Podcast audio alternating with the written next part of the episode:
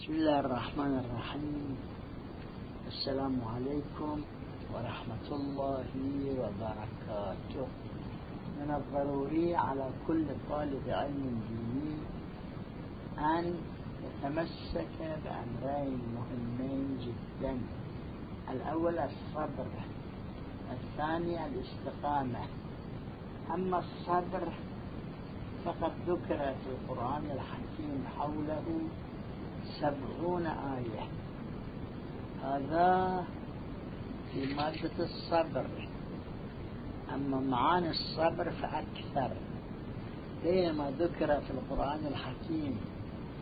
بالنسبة إلى الخمس والذي يدار عليه كل الحوزات العلمية. منذ ألف سنة آية واحدة. وهو قوله سبحانه واعلموا أن ما غنمتم من شيء فأن لله خمسه وللرسول ولذي القربى واليتامى والمساكين وابن السبيل. ولا يخفى أن هذه الآية المباركة تدل على الخمس المطلق. من غنائم الحرب أو غير الحرب. فقد ذكر القاموس أن الغنيمة هي الفائدة. وقد ذكرت أنا في كتاب الدولة الإسلامية ثمانية عشر آية في أخذ الرسول للخمس من المكاسب. حسب ظاهر الروايات. وهذه الروايات وردت من السنة بالإضافة إلى روايات الشيعة الكثيرة المشهورة عندنا أيضا وكيف كان الصبر؟ وردت في آيات متعددة بعض متعددا وبعض مفردا. فقد قال سبحانه يا أيها الذين آمنوا اصبروا وصابروا ورابطوا واتقوا الله لعلكم تفلحون. اصبروا يعني كل واحد منكم.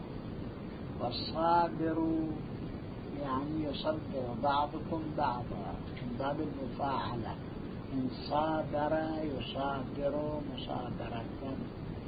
ورابطوا والرباط في حدود البلاد الإسلامية النظر إلى ما يعمله الكفار ما هو؟ حتى يكون المسلمون على استعداد تام. فمن الواضح أن المرابطة من عرفها احتاجت إلى أشد الصبر في الأكل والشرب. والنوم والسفر وما أشبه ذلك مما هو معروف لديكم. أما اتقوا الله وهو الأمر الرابع فهو يشمل كل تقوى والتقوى محتاجة إلى الصبر تقوى الأذن تقوى العين تقوى الأنف تقوى اللسان. تقوى اليد تقوى الرجل تقوى الباطن تقوى الفرج. ولذا يجب على الإنسان أن يصبر حول التقوى من الصباح إلى الليل في كل يوم إلى مائة سنة إذا كان عمره مائة سنة أو إلى سبعين سنة. أو أكثر أو أقل. وفي سورة هود فاستقم كما أمرت ومن تاب معك. فالضروري على الإنسان أمران. الأول أن يستقيم هو ولا ينحرف عن الجادة الموصلة للهدف الأسمى. واللازم أن يهتم الإنسان بأن يكون من يتبعه مستقيما أيضا ومن تاب معه. وقد قال رسول الله صلى الله عليه وآله وسلم شيبتني سورة هود. فإن استقامة الإنسان مشكلة جدا.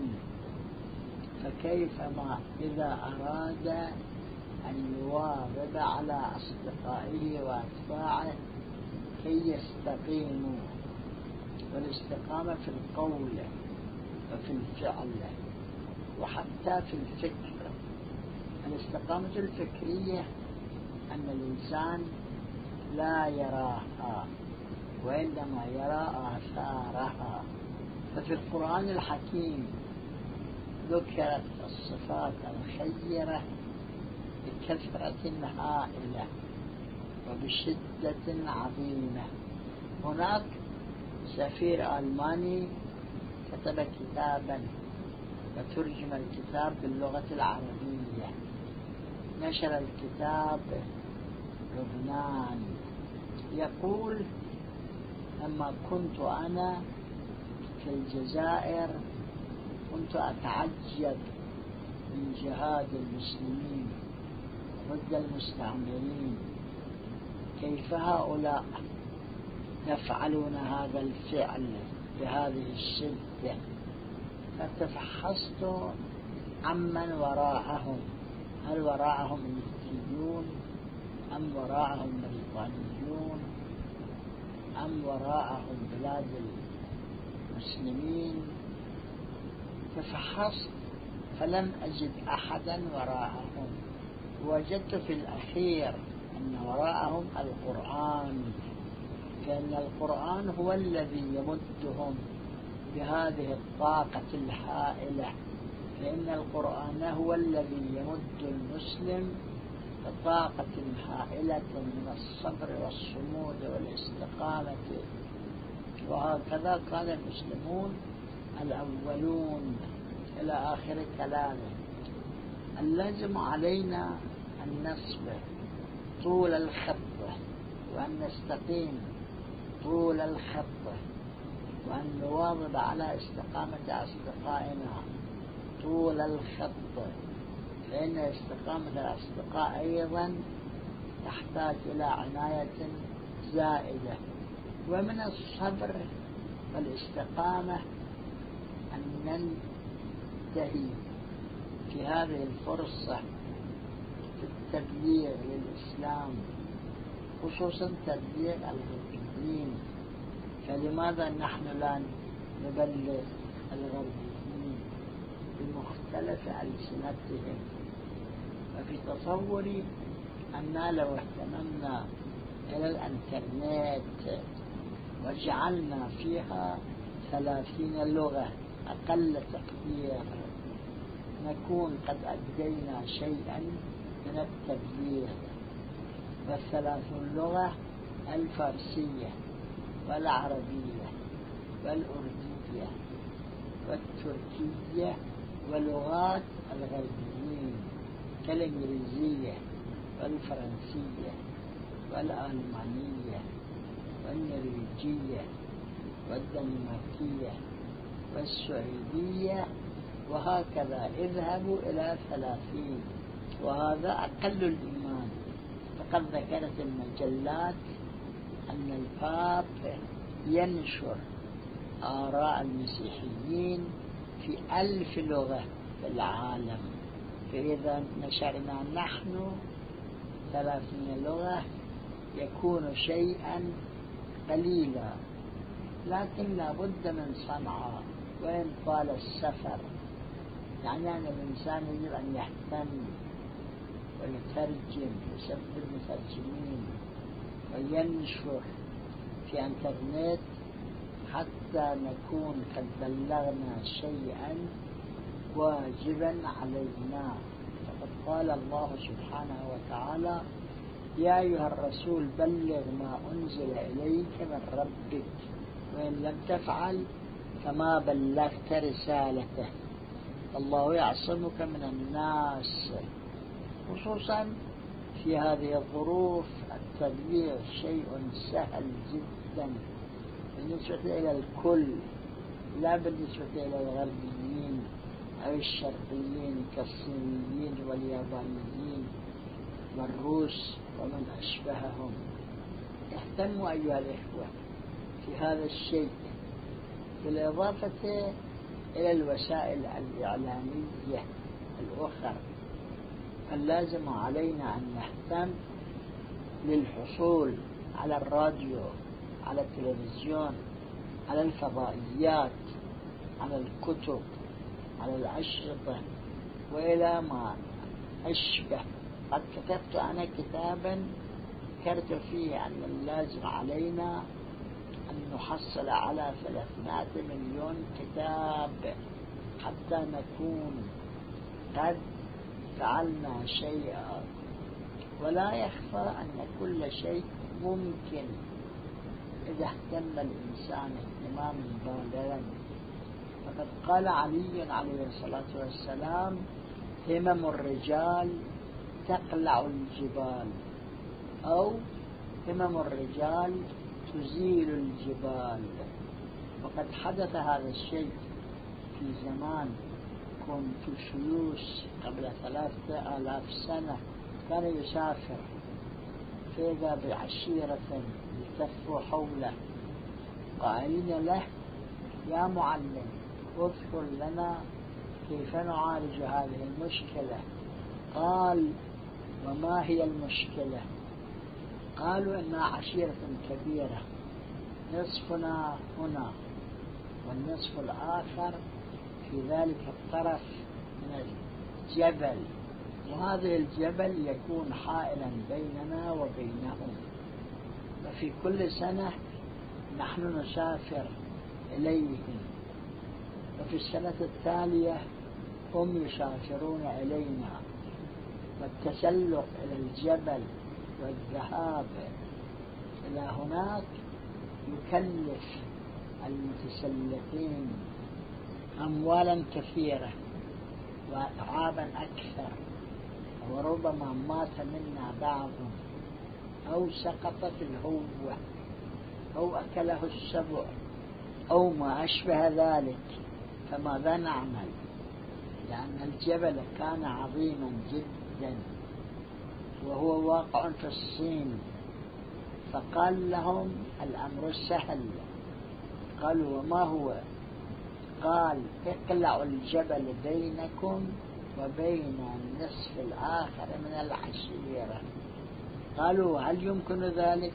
قال نعم إن الجبل مكون من أحجار. فإذا أخذتم حجرا حجرا لابد وأن ينتهي ولو بعد سنين. سمعوا كلامه. وهكذا فعلوا. فانقلع الجبل بينهما. حتى الآن هذا الموضع من الجبل سطح بسيط. يتمكنون أن يذهبوا من هنا إلى هناك ومن هناك إلى هنا بلا أي كلفة. نعم. همم الرجال تقلع الجبال. وهذا مثال في الأمور المادية. وهكذا في الأمور المعنوية. الأمور المعنوية يمكن الإنسان ينتهي إليها بسبب الهمة. مهما كانت شديدة ومحتاجة إلى أتعاب وما أشبه ذلك. المسلمون الأولون إنما تقدموا ذلك التقدم الهائل لأنهم صمموا تصميما غريبا في أن يتقدموا وأن يقدموا. الجيش الإسلامي أرادوا غزو بلاد فارس فجاءوا حتى وصلوا إلى دجلة في أيام كثرة الماء والفيضانات فلم يتمكنوا من الذهاب إلى طاق كسرى لأنه لم يكن لهم سفينة ولم يكن جسر بين طرفي دجلة فوقفوا وتحذروا وجاء جيش الفرس من ذلك الصوت. فوقفوا وتحذروا ماذا يفعلون بهذا الجيش المهاجم. وأخيرا اجتمع المسلمون بين أنفسهم وقالوا إن تقدمنا لم يكن إلا بإذن الله سبحانه وتعالى وما النصر إلا من عند الله العزيز الحكيم. نحن نلقي بأنفسنا في الماء. ويأخذ بعضنا بيد بعض حتى نعبر ونحن كثرة الله معنا وهكذا فعلوا. فتعجب جيش الفرس من هناك وقالوا باللغة الفارسية ديوان آمدند ديوان آمدند يعني الغيلان جاءوا. الغيلان جاءوا. فهربوا من ذلك الجانب. لكن المسلمين تمكنوا أن يوصلوا أنفسهم إلى ذلك الجانب من دجلة وذهبوا وفتحوا بلاد فارس وكانت عاصمة فارس المدائن المشهورة وإنما كانت تسمى مدائن لأنها مكونة من مدائن متعددة العاصمة مدينة للملك ومدينة للجيش ومدينة للوزراء ومن أشبه ومدينة للتجار ومدينة للكسبة وهكذا كما ذكر المؤرخون. هكذا عمل المسلمون حتى تقدموا. وفي القرآن الحكيم كم من فئة قليلة غلبت فئة كثيرة. بإذن الله فعليكم أيها الإخوة طلبة. ونحن كلنا طلبة. بالصبر أولا وبالاستقامة ثانيا حتى نصل إلى ما نحو إليه. نسأل الله سبحانه وتعالى أن يأخذ بأيدينا إلى مراضيه ويجعل مستقبل أمرنا خيرا. من ماضيه وهو الموفق المستعان. والسلام عليكم ورحمة الله وبركاته.